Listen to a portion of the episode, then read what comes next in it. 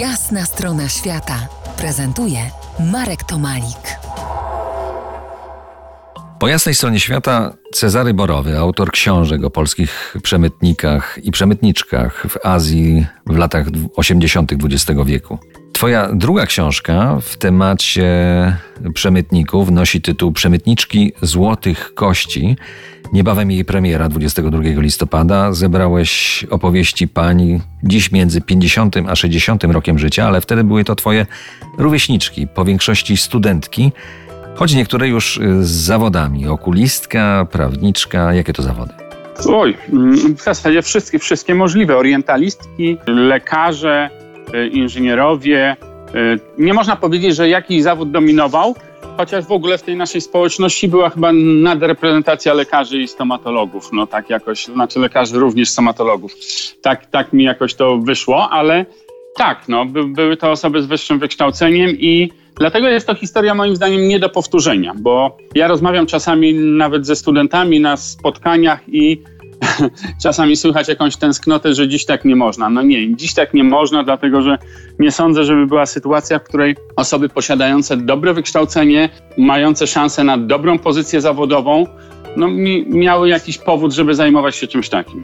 Ale wróćmy do tamtych czasów. Działanie w pojedynkę, niejako na własny rachunek, było raczej bez sensu. Za duże koszty, za mały zysk i brak wsparcia grupy w razie wpadki. Więc y, y, trzeba było po prostu zapisać się do towarzystwa. Tak, trzeba było działać w grupie, bo, bo tak jest weselej, bo tak jest raźniej, bo, bo masz wymianę informacji, bo więcej wiesz.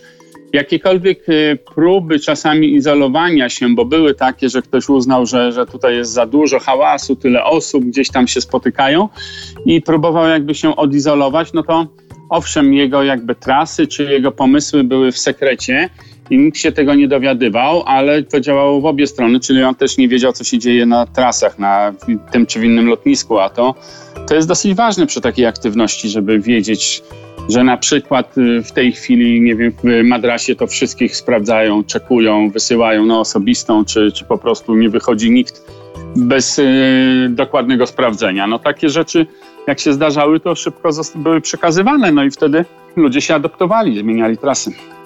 No dobrze, a powiedz, jeżeli jest, y, zdarzyła się wpadka, bo to zdarzały się te wpadki, jak uciec z Indii, kiedy na lotniskach rozesłane są listy gończe? pieszo nocą przez przejście lądowe między Indiami a Nepalem, tak jak piszesz w książce?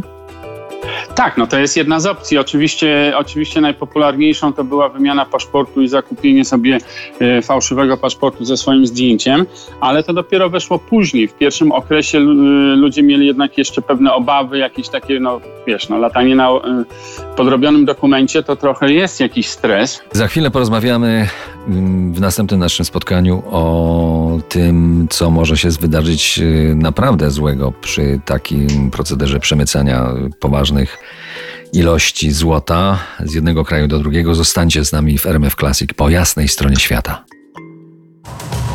To jest jasna strona świata w RMF Classic.